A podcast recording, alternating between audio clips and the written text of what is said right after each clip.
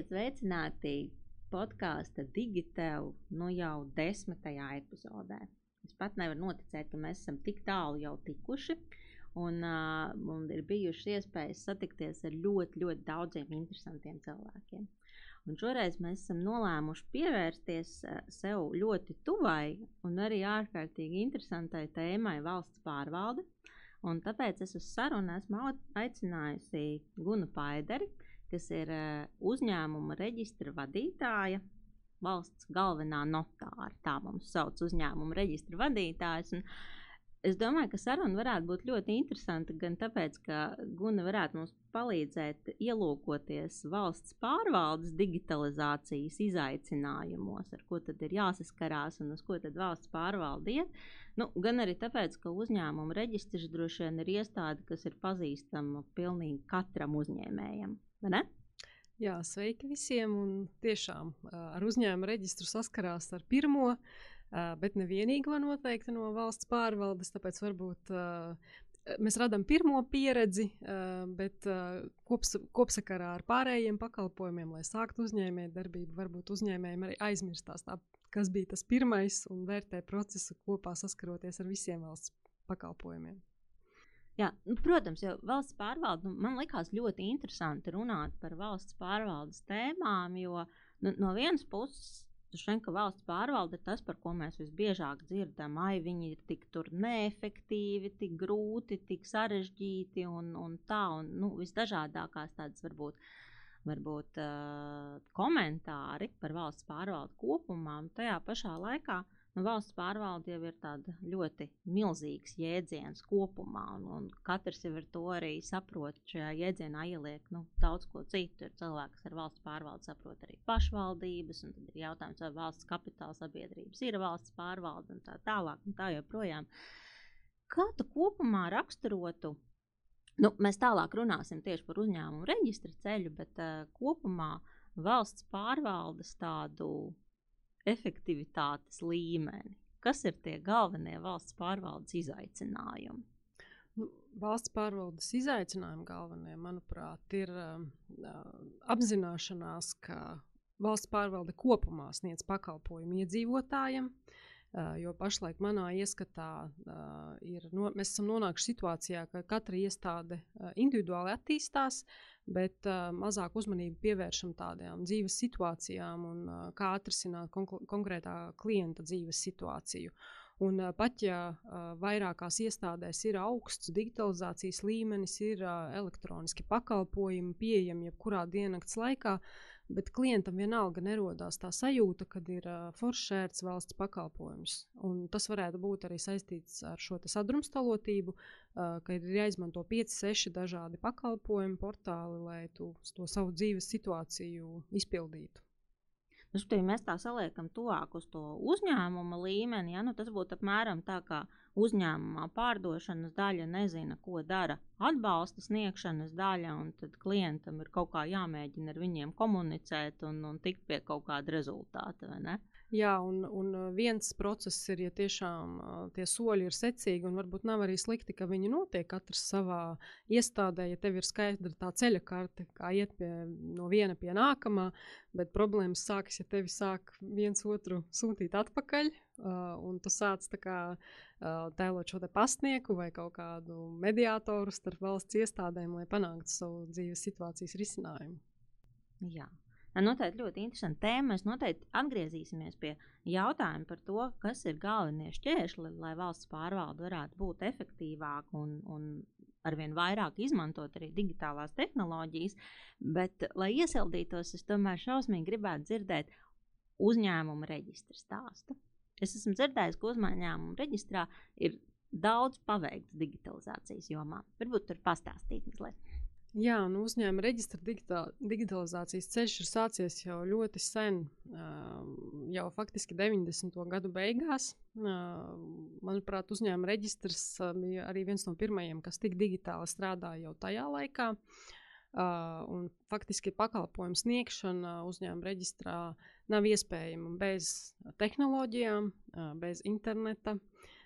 Tiklīdz nav internets vai nav elektrība, tā faktiski pakalpojumu sniegšana apstājās. Un, Un secīgi attīstoties tehnoloģijām, arī uzņēmuma reģistra attīstības ceļš visu laiku ir attīstījies. Pirmie sākām izmantot e-parakstu, atbalstījām e-paraksta kolēģus, palīdzējām uzņēmējiem citās iestādēs iesniegt elektroniskos dokumentus, jo sākumā bija tāda pretestība. Visu laiku ir bijusi pakalpojuma attīstība, skatoties arī jaunākās tendences. Viens no pēdējiem inovatīvajiem projektiem bija um, uh, virtuālais asistents. Mēs bijām uh, pirmie, uh, kā mums saka, mūsu sadarbības partneris Tilde, kas, ar kuru kopā mēs attīstījām šo asistentu. Faktiski viena no pirmajām valsts iestādēm Eiropā, kas uh, ieviesa uh, chatbot risinājumu arī tīrais ziņkārības, ko tā tehnoloģija spēj, ko viņa mums var dot, tāda kā pilotprojekta veidā. Un tagad jau ir nākamie projekti. Mēs strādājam pie um, automatizētas lēmumu pieņemšanas, respektīvi, ka uzņēmuma reģistrācija varētu notikt automa automātiski, nekavējoši, jebkurā diennakts laikā, no jebkuras vietas pasaulē. Tātad, lai var ar uzņēmumu reģistru ātri un nemanāmi nokārtot visas birokrātiskās lietas. Ko tas īsti nozīmē automātiski uzņēmumu re reģistrācija? Tad es varēšu nu, jebko iesniegt, un man būs uzņēmums uzreiz. Vai? Nu, ir tā, ka uh, tie tas, ko uzņēmuma reģistram iesniedz, ir daudz un dažādi pieteikumi. Jo tā tad uzņēmuma reģistrs vispār ir tā centrālā valsts iestāde, kas reģistrē visas juridiskās personas Latvijā, ne tikai sākotnēji nodibinot šo statusu, bet arī vēlāk visas izmaiņas, lai uzņēmējdarbības vide būtu droša un visiem vienmēr būtu pieejami aktuālie dati. Un, uh, mēs redzam, ka tā, tās kombinācijas, kādos datus var iesniegt, ir ļoti daudz, ap tūkstoš veidi. Uh, Uh, un, protams, ka uh, papīra formā tas ir ļoti smagnējs pakalpojums. Un, uh, mēs strādājam pie risinājumiem, lai uh, daudzus uh, no šiem te, uh, izmaiņu pieteikumiem varētu iesniegt. Uh, tātad klients pats iesniedz. Uh, mums ir jau pašlaik, uh, mēs strādājam ar IT sistēmām, uh, datus salīdzinām ar citiem valsts reģistriem. Un ļoti daudzos gadījumos šos datu kvalitātes kontrolas var izveikt jau uh, IT risinājumu sistēmas. Līdz ar to paceļas jautājums, ko vēl cilvēkam tur skatīties, ja sistēmas pārbaudas visas jau ir bijušas veiksmīgas. Līdz ar to, piemēram, nomainīt vienu valdes locekli uz citu, ja tie ir latvieši, mums ir iedzīvotāja reģistra dati, kāpēc tur vajag piesaistīt cilvēku, ja tas var notikt automatizēti, vai vienu adresi uz citu adresi. Ar, uzņ ar jaunu uzņēmumu dibināšanu ir viens izaicinājums, kur varbūt nozarei visai kopumā Latvijā jāmet izaicinājums un jāmeklē risinājumi, lai mēs to atslēgu atrastu pirmie nekā mūsu kaimiņi Igauni, jo ar Igaunijas reģistru runājot, mēs abi esam iestrēguši vienā posmā, lai tātad eh, nodrošinātu automatizētu uzņēmumu reģistrāciju, kas ir nosaukuma pārbaude. Ja IT risinājumi var pārbaudīt uh, sakritības, vai tāds nosaukums jau ir reģistrēts, tad uh, grūtāk ir pārbaudīt nosaukuma atbilstību labiem tikumiem, Tātad, vai tur nav kaut kādi rupjie vārdi? Tad ir jautājums, kā mēs smējāmies ar Igaunu kolēģiem. Varbūt ir jāveido saraksts, ministru kabineta noteikumi ar slikto vārdu sarakstu, un tad jau arī šeit runājot Latvijā ar sadarbības partneriem, daudz gribētu piedalīties šajā darba grupā, ja tādi noteikumi tiktu izstrādāti. Varētu būt diezgan krāšņs pasākums. Mm -hmm. Varbūt tur varēs palīdzēt jaunās uh, ChatGPT iespējas, vai, vai par to jūs arī domājat? Uh, faktiski jā, jo visticamāk, mašīnu mācīšanās uh, risinājumi vai kādi šādi analītikas rīki uh, arī varētu būt tā atslēga, kas nākotnē atrisināt arī šo jautājumu. Bet nu, tas gala rezultāts tādam uzņēmumam, uzņēmējam vai iedzīvotājam būs tas, ka šīs atbildes varēs saņemt ātrāk, droši vien, der vai neder, vai tas ietekmēs arī darbinieku skaitu vai darbinieku profilu, kas būs nepieciešams? Noteikti tas ietekmēs darbinieku profilu. Par skaita izmaiņām es teiktu, ka drīzāk tas ir pakāpenisks process, jo tas, ko pašlaik arī īstenojot šādu transformācijas projektu iestādē, tas, ko mēs redzam, ka nebūs tādi, kā mēs varbūt citreiz idealizēti iztēlojamies. Mēs izstrādājam jaunu IT risinājumu, mēs apziņojam darbiniekiem, no rītdienas jūs strādājat šajā jaunajā sistēmā un viss notiek. Un tā dzīvē nenotiek. Ja mēs pašlaik strādājam ar uh, IT sistēmām, kuras mums jau ir labi kalpojušas no 90. gadu beigām. Uh, tas ir milzīgs pārmaiņu projekts, uh, lai nomainītu šos te tehnoloģiskos rīkus iestādē. Un mēs redzam, ka tas ir pakāpenisks process.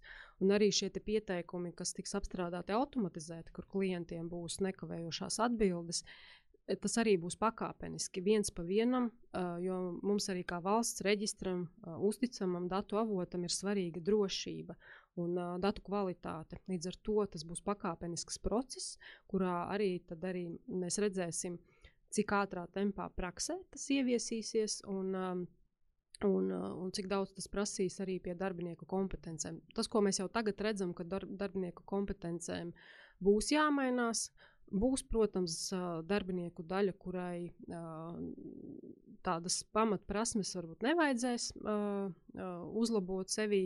Proti, tiem, kas izskata reģistrācijas šos pieteikumus, juristiem, joprojām paliks gadījumi, kur viņiem būs saturiski jāvērtē šie dokumenti un dati. Bet šie automātiski apstrādājumie gadījumi, tur jau vairs nav jāizskata pieteikums pa pieteikumu, tā kā lieta pa lietai. Bet jau ir jāmāk sekot līdzi, vai sistēmas algoritmi korekti strādā, vai tie ievadītie dati un tā sistēmas interpretācija par viņiem noved pie tā rezultāta, kā būtu cilvēks nonācis. Uh, Pie tāda paša gala lēmuma. Līdz ar to tās jau ir citas kompetences. Nevis skatīties pieteikumu pa pieteikumu, bet saprast, vai IT sistēma strādā korekti. Nu, skatījumā man iepriekš bija tā, ka es varbūt visu dienu izpildīju tādus rutinizētus, vienkāršus pieteikumus, un tad varbūt reizi dienā man gadījās kaut kāds tāds interesantāks gadījums, kas būtu tur jāpadomā un jāmet atpakaļ, vai, vai, vai jāraksta komentāri. Tad šajā gadījumā varētu būt, ka man visu laiku ir jāstrādā tikai ar tiem interesantajiem gadījumiem. Uh, jā, faktiski tāds, tā tas būtu, man liekas, visefektīvākais un racionālākais veids, kā izmantot uh, cilvēka prasmes un spējas spējas.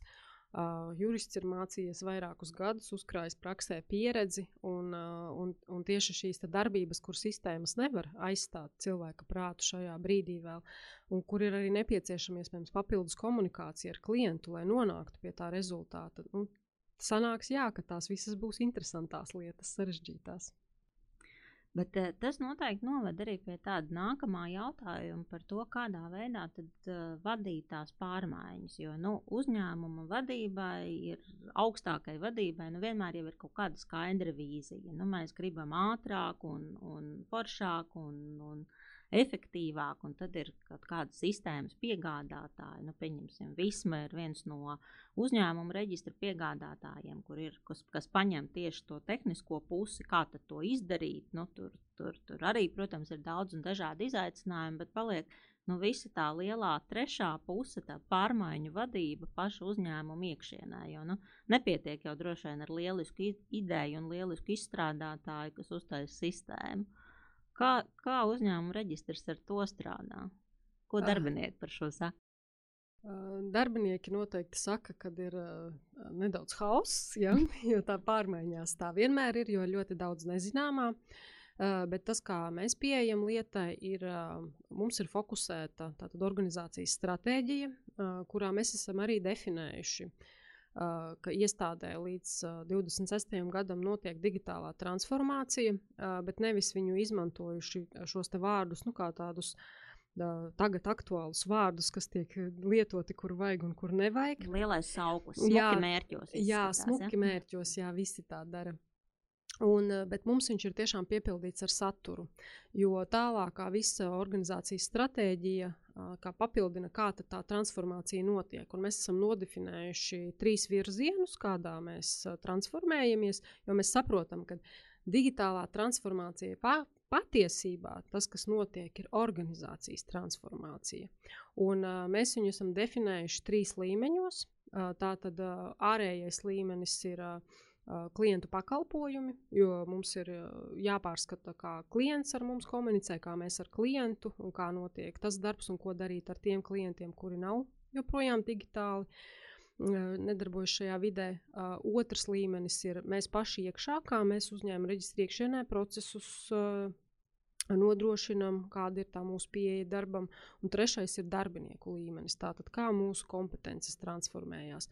Un līdz ar to visa stratēģija uh, paralēli iet visu laiku šajos trīs līmeņos, uh, uh, un mēs skatāmies, kā transformēt organizāciju. Un tas ir ļoti daudz arī darbs un komunikācija ar ar uh, vadītājiem iestādes iekšienē visu laiku noturēt šo fokusu, ka nevis mēs mainām IT risinājumus, jo tad vienmēr tā kļūst par IT nodaļas problēmu. Ja pārējie, kā saka, apsēžās un ēd popkornu un skatās, kas nu notiks, bet īstenībā tā ir organizācijas transformācija. Ir jāpārdomā procesi, pieejas, darbinieku prasmes, prasmju arī transformācija. Uh, vai varēs esošais personāls uzlabot vai iegūt jaunas prasmes, vai atkal ir jau jādomā kaut kādi savādāki risinājumi.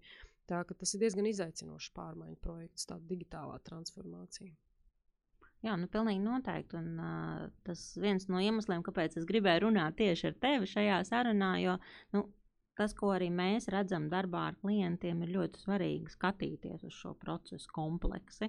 Nu, tā nav tikai sistēma, ko mēs, ko laimes lācis atne, atnes un, un ievada, iela, ievada uzņēmumā, bet uh, nu, kādam ar to beig galā ir jāstrādā.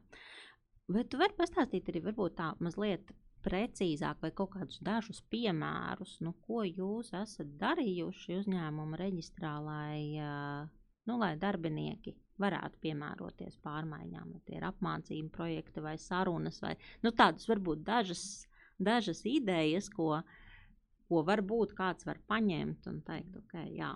Nu, es saprotu, ka sākam ar mērķi, sākam ar to, ka mēs nodefinējam, visiem pasakam un atkārtojam, ka tas ir svarīgi. Nu, tas ir svarīgi un uz kurieni mēs ejam. Un, nu, piemēram, uzņēmuma reģistra gadījumā arī uh, Tas gan bija arī Covid ietekmē, bet tas arī bija strateģiskais mērķis, līdz ar to Covid ietekmē bija viegli izdarīt. Mēs atteicāmies no klātienes apkalpošanas. Un uh, visu laiku arī šī atkārtošana, kad uh, nebūs vairāk klātienes, ka tas nav pārējošs. Nu, tā mēs tagad arī dzīvosim. Tas, protams, ir tā iekšējā komunikācija, bet, ja mēs runājam par tādu personāla transformāciju, tas veids, ko mēs esam atklājuši, visefektīvākais, nu, vismaz līdz šim mums tā liekas, ir reāli iesaistīt cilvēkus šajos pārmaiņu projektos, tur, kur tās izmaiņas notiek. Uh, nu, piemēram, mums bija pieredze ar uh, šo chatbotu ieviešanu. Uh, tur mums bija viena pieredze. Tur mēs darījām tā, ka bija komanda, kas uh, strādāja pie šī pilotu projekta. Uh, no dažādām struktūra vienībām, uh, personāls, kuru interesēja uh, tās lietas, nebūtu ne eksperti tajā jomā, bet kuri vienkārši gribēja izmēģināt kaut ko tādu. Uh, ārpus saviem ikdienas pienākumiem. Viņi tā tad ievies, izstrādāja šo projektu, un tālāk mēs viņu tā kā nodevām klientu apkalpošanas nodaļai un ļāvām kā, klientu apkalpošanas speciālistiem kļūt par šiem chatbotu treneriem. Mēs uh, stāvējām blakus, uh, ļāvām mācīties, un uh, tas, kas bija ļoti forši, redzēja, kad ienākot arī šādām tehnoloģijām, ir, ka tas mūsu pašu darbiniekiem dod izaugsmes iespējas. Jo arī, piemēram, pirmā meitene, kas tātad Latvijā bija chatbota trenere, vismaz valsts pārvaldē, Viņa tagad arī strādā mūsu IT struktūra vienībā, jau pie attīstības projektiem. Tātad viņa no klienta apkalpošanas speciālista izauga par uh, faktiski tādu attīstības un uh, tehnoloģiju cilvēku, kas jau ievieš nākamos risinājumus. Tagad ar šo automatizēto lēmumu pieņemšanu mēs arī mēs darām tā, ka no citām struktūra vienībām vai nu tiek iesaistīti projektā uz laiku, vai jau tiek pārcelti šajā komandā, kas strādā ar projektu ieviešanu Un tur darbinieki darot, mācās šīs jaunās prasmes, tad mēs arī redzam, uh, kas tieši pietrūkst, kas tieši ir jāiemācās, no kā personālam ir bail, kur vajag iedrošinājumu, bet nu, tikai darot.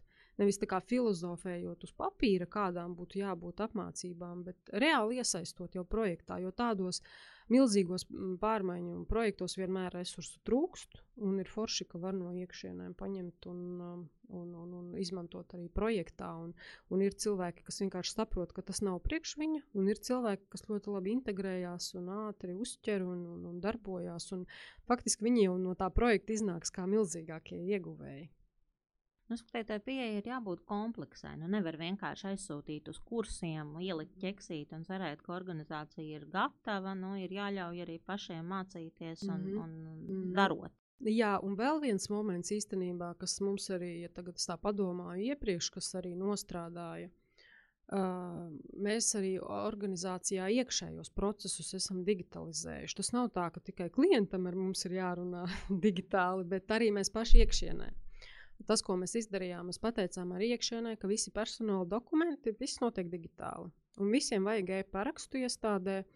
Uh, mēs arī pieņēmām lēmumu, ka mēs darbiniekiem arī finansēsim uh, ID karšu nokārtošanu. Vienkārši visiem ir jābūt e-parakstam. Un, uh, tas, kas bija pārsteigums, arī sākumā mēs jau to sākām pirms vairākiem gadiem, manuprāt, uh, ka nevarēja saprast, kāpēc mums klienta apkalpošana kā, nu, it kā skaidro tos digitālos risinājumus, bet tajā pašā laikā nav līdz galam. Un tad mēs uzķērām vienā brīdī, kā cilvēks, kurš pats nekad nav izmantojis e-parakstu, var izstāstīt klientam, kā viņu lietot un kādi ir ieguvumi. Līdz ar to arī nu, kā, uh, ja mēs kaut ko mainām priekš klientiem, paskatāmies, vai mums arī nav tāda dubultmorāla, tad mēs paši arī to darām. Mēs paši arī esam digitāli savos iekšējos procesos, un darbiniekiem ir tās elementārās prasmes lietot šo e-parakstu, kas ir viens no tādiem pamatrīkiem, lai vispār saņemtu kaut kur valsts pārvaldes pakalpojumus drošā veidā. Uh, nu, tā, tas arī tāds īstenībā atslēgas punkts, kur var paskatīties tādas mazas lietas, praktiskas lietas, nevis formāli kursi varbūt. Nu jā, un būtībā jau tas ir lielā mērā atkarīgs no uzņēmuma vadības, gatavības, nu, skatīties un risināt tos jautājumus. Mēs to labi redzam. Mums ir tāds vienkāršs pašapkalpošanās rīks, nu, relatīvi vienkāršs, kur cilvēki pieteikt atvaļinājumus, redzēt savu algas lapiņu, un tad ir divi veidi klienti. Ir tādi, nu, kur, kur, kur tie darbinieki ir, eh, mums ir klients, kur ir klīnāri, kur eh, darbinieki ir apkopējis. Nu, tiešām varētu domāt, ka cilvēkiem varbūt digitālās prasmes nav tas viņu galvenais darba rīks, un, un tiek galā un iemācās un visu dara. Un tajā pašā laikā ir bijis klients, kas ir augstskola, uh, kur uh, saka, ka nu, nē, mūsu mācību spēki nevarēs iemācīties ar šo apieties. Viņi nekad ne, nepieteiks atvaļinājumus elektroniski. Mm -hmm. Tā kā, nu, laikam, mazliet, mazliet mm -hmm. pabīdīšanas un viss notiek. Bet uh, tomēr nu, noteikti arī jums ir skeptiķi. Nu, vienmēr uzņēmumā, ja runā par digitalizāciju, ir kāds, kas saka, nu, nē, es ar šo vēla mašīnu nemācīšu darboties, negribu. Un, uh, bieži vien jau skeptiķi ir arī ļoti, ar ļoti vērtīgām kompetencēm citās jomās, un nu, tas jau nav arī tik vienkārši. Nu, negrib, negrib darboties ar, ar tehnoloģijām un neiet prom. Kā jūs tiekat ar to galā? Nu, es skeptiķus uzskatu par ļoti vērtīgu ieguvumu komandai. Uh, es uh, varu spriest no valsts pārvaldes puses, jo valsts pārvaldes specifika ir tāda, ka mēs nevaram izvēlēties savu klientu. Uh, mēs esam monopola situācijā, mūsu pakalpojumu var saņemt tikai pie mums, Un mums ir jā, jāspēj nodrošināt klients ne tikai tiem digitāli attīstītajiem, ja, kuriem tas ir viegli un pašsaprotami, liekas, ka visam jābūt digitāli, bet arī tām klientu grupām, kuras negrib, nevar izmantot, līdz ar to šādi cilvēki organizācijas iekšienē, viņi ir jāiesaist, viņos ir jāieklausās, kas ir tie riski, kas ir tie aizspriedumi. Un tas var palīdzēt vienkārši kopumā uzlabot pakalpojumu pieredzi. Bet arī jāsaprot, ir, ka mēs jau visi kā cilvēki arī dalāmies. Ir tie, kuri vienmēr pirmie izmēģina inovācijas, cik viņi tur bija kādi 10%, ja, un tad ir tādi, kuri paliek paši pēdējie. Tad, kad jau visi da darīs pa tam jaunajam veidam, nu, viņi, ja nu nevarēs citādi, tikai tad viņi e, būs piespiežami darīt to. Vienkārši mēs esam arī dažādi kā personības.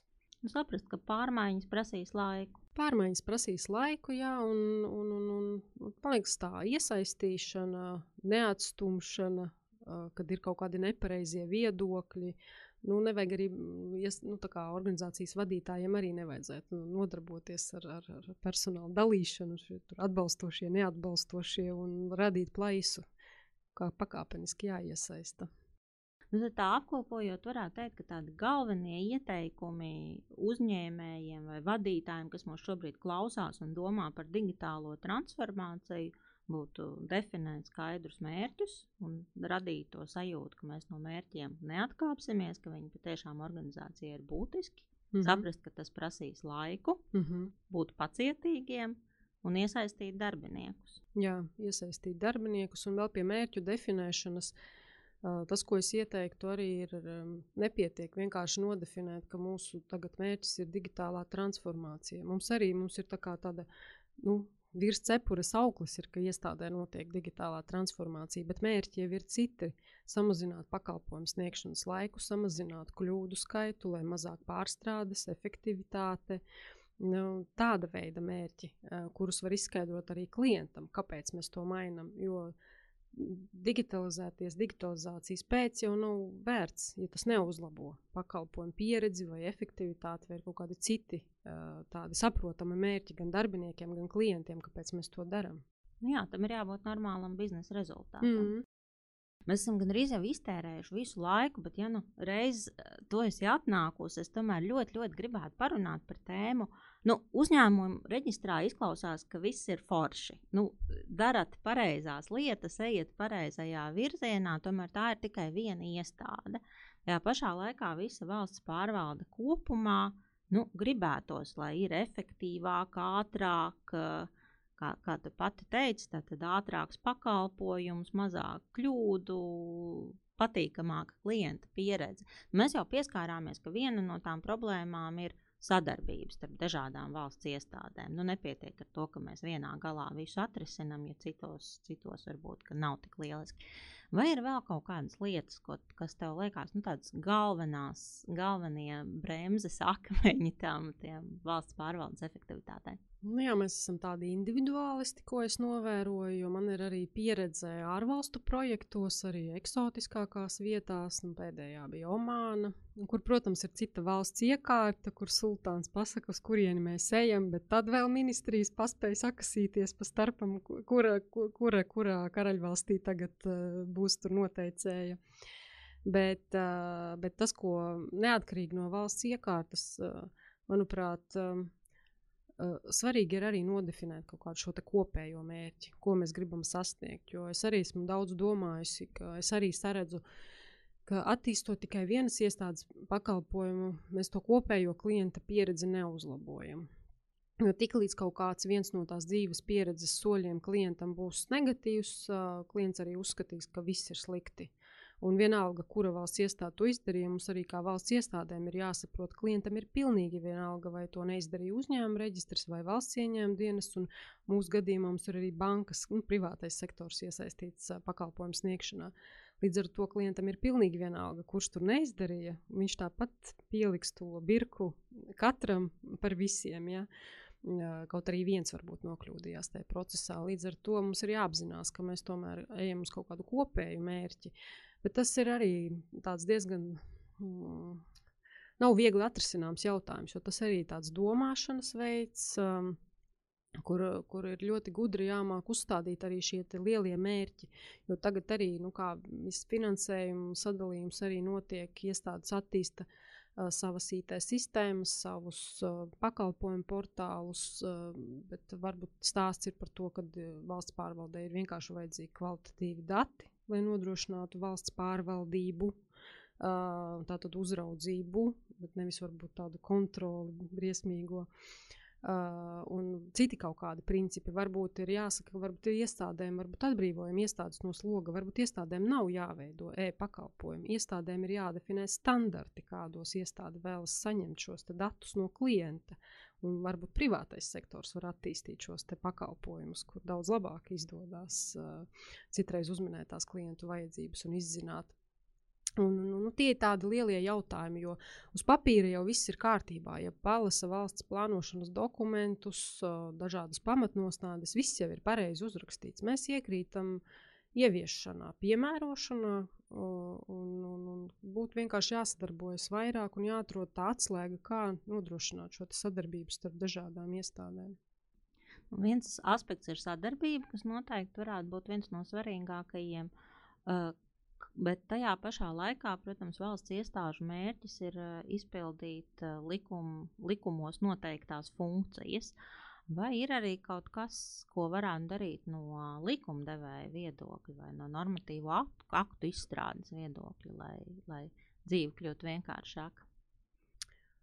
Noteikti, ka var, bet es uh, īsti neticu, ka, piemēram, ministrijas uh, vieni paši bez uh, savām padotības iestādēm, bez pakalpojumu sniedzējiem, reāli var to izdarīt vairs mūsdienās. Jo ir diezgan jāanalizē lietotāju pieredzes ceļš, uh, jāanalizē jau esošie pakalpojumi, un tas, kas varbūt ir no likumdevēja viedokļa, visu laiku ir jāpaturprātā tas mērķis. Kāpēc? Kāpēc ir tas pakalpojums? Ko viņš dod? Kas notiktu, ja nebūtu tā pakalpojuma? Jo tas jau ir stāsts par to, ka mēs jau faktiski radām tikai jaunu, jaunu, bet mēs jau neat, neatkāpjamies un ne, nepaskatāmies. Varbūt kādu pakalpojumu vairs nevajag, viņš varbūt vairs nav aktuāls. Vienkārši pašas valsts iestādes viņu uztur kā aktuālu, jo tā ir viņu funkcija. Un tur varbūt arī, jā, nu, izējot no tā mērķa, kāpēc vispār, kāpēc vispār tāds pakalpojums tiek sniegts un nodrošināts no valsts puses. Likumus, likumus un normatīvos aktus izskatīt ne tikai juristu acīm, bet izskatīt arī no pakalpojumu dizaina viedokļa. Jā, nu, no tā, vai ir, to vispār ir iespējams. Nu, tas ir tāds kopdarbs, jā, tas ir kopdarbs un nu, prasās tādā ziņā nevis kaut kādi funkciju auditi vai kaut kas tāds, bet drīzāk lietotāju pieredzes ceļu kartēšana, dzīves situāciju apzināšana. Uh, klientu pakalpojumu, uh, pakalpojumu lietošanas, kaut kādas statistiku analīzes, uh, nu, ja pakalpojumi ir uh, maz lietoti, vai, vai, vai, vai, vai tādu vajag, kāpēc vajag. Varbūt ir citas alternatīvas, kā var nodrošināt kaut ko. Nu, tur būtu, man liekas, jāapsēžās un jā, jāizanalizē dati tādā augstākā līmenī, bet skatoties no šiem dzīves situāciju viedokļa, nevis varbūt no individuāla iestāžu viedokļa. Jā, skatīties uz iedzīvotāju kā uz klientu, un patiešām domāt par šo pieredzi. Nu, kā es tikko dzirdēju, pagājušajā nedēļā bija tie, tieslietu resorā apbalvošanas pasākums tiesnešiem, prokuroriem. Ļoti patika, viens tiesnesis saņemot apbalvojumu, teica, ka uzdevums paliek nemainīgs, nepazaudēt cilvēku papīros. Fantastiski. Šito mēs varētu likt kā lielo virsrakstu visai podkāstu epizodei. Uh, Mums laiks ir pavisam garām, bet man te ir jāuzdod vēl pēdējais, vissvarīgākais jautājums. Pastāsti, kā tu izskaidrotu, kas ir digitalizācija sešgadniekam? Šis ir visgrūtākais jautājums sešgadniekam izskaidrot. Nu, es teiktu tā, ka, ka tas, ir, tas ir tāds maģisks rīks, burvju triks vai burvju nūjiņa, kas reālās pasaules lietas pārvērš tā, ka viņus var izmantot datorā vai telefonā. Hmm. Forši. Tajā pašā laikā visiem bērniem aicinu, ir sevišķi tiem, kas mēģina izdomāt, kur tad stāties tālāk mācīties, atcerēties, ka jūs varat kļūt arī par šiem burviem. Un tā ir ārkārtīgi interesanta lieta, ko darīt. Un kā mēs dzirdējām sarunā ar Gunu, jūs varat būt burvji gan tehnoloģiju izstrādē, tajā, kas taisa šīs, šīs burbuļu lietas, gan arī tajā, kas visu šo parādi deri, deliģē, diriģē, nevis deliģē, uh, diriģē un uh, piedalās šo lietu īstenošanā. Tā kā mācieties, izvēlieties profesiju un cerams, ka mums visiem digitalizācija palīdzēs dzīvi padarīt labāku. Paldies, Gunte! Paldies!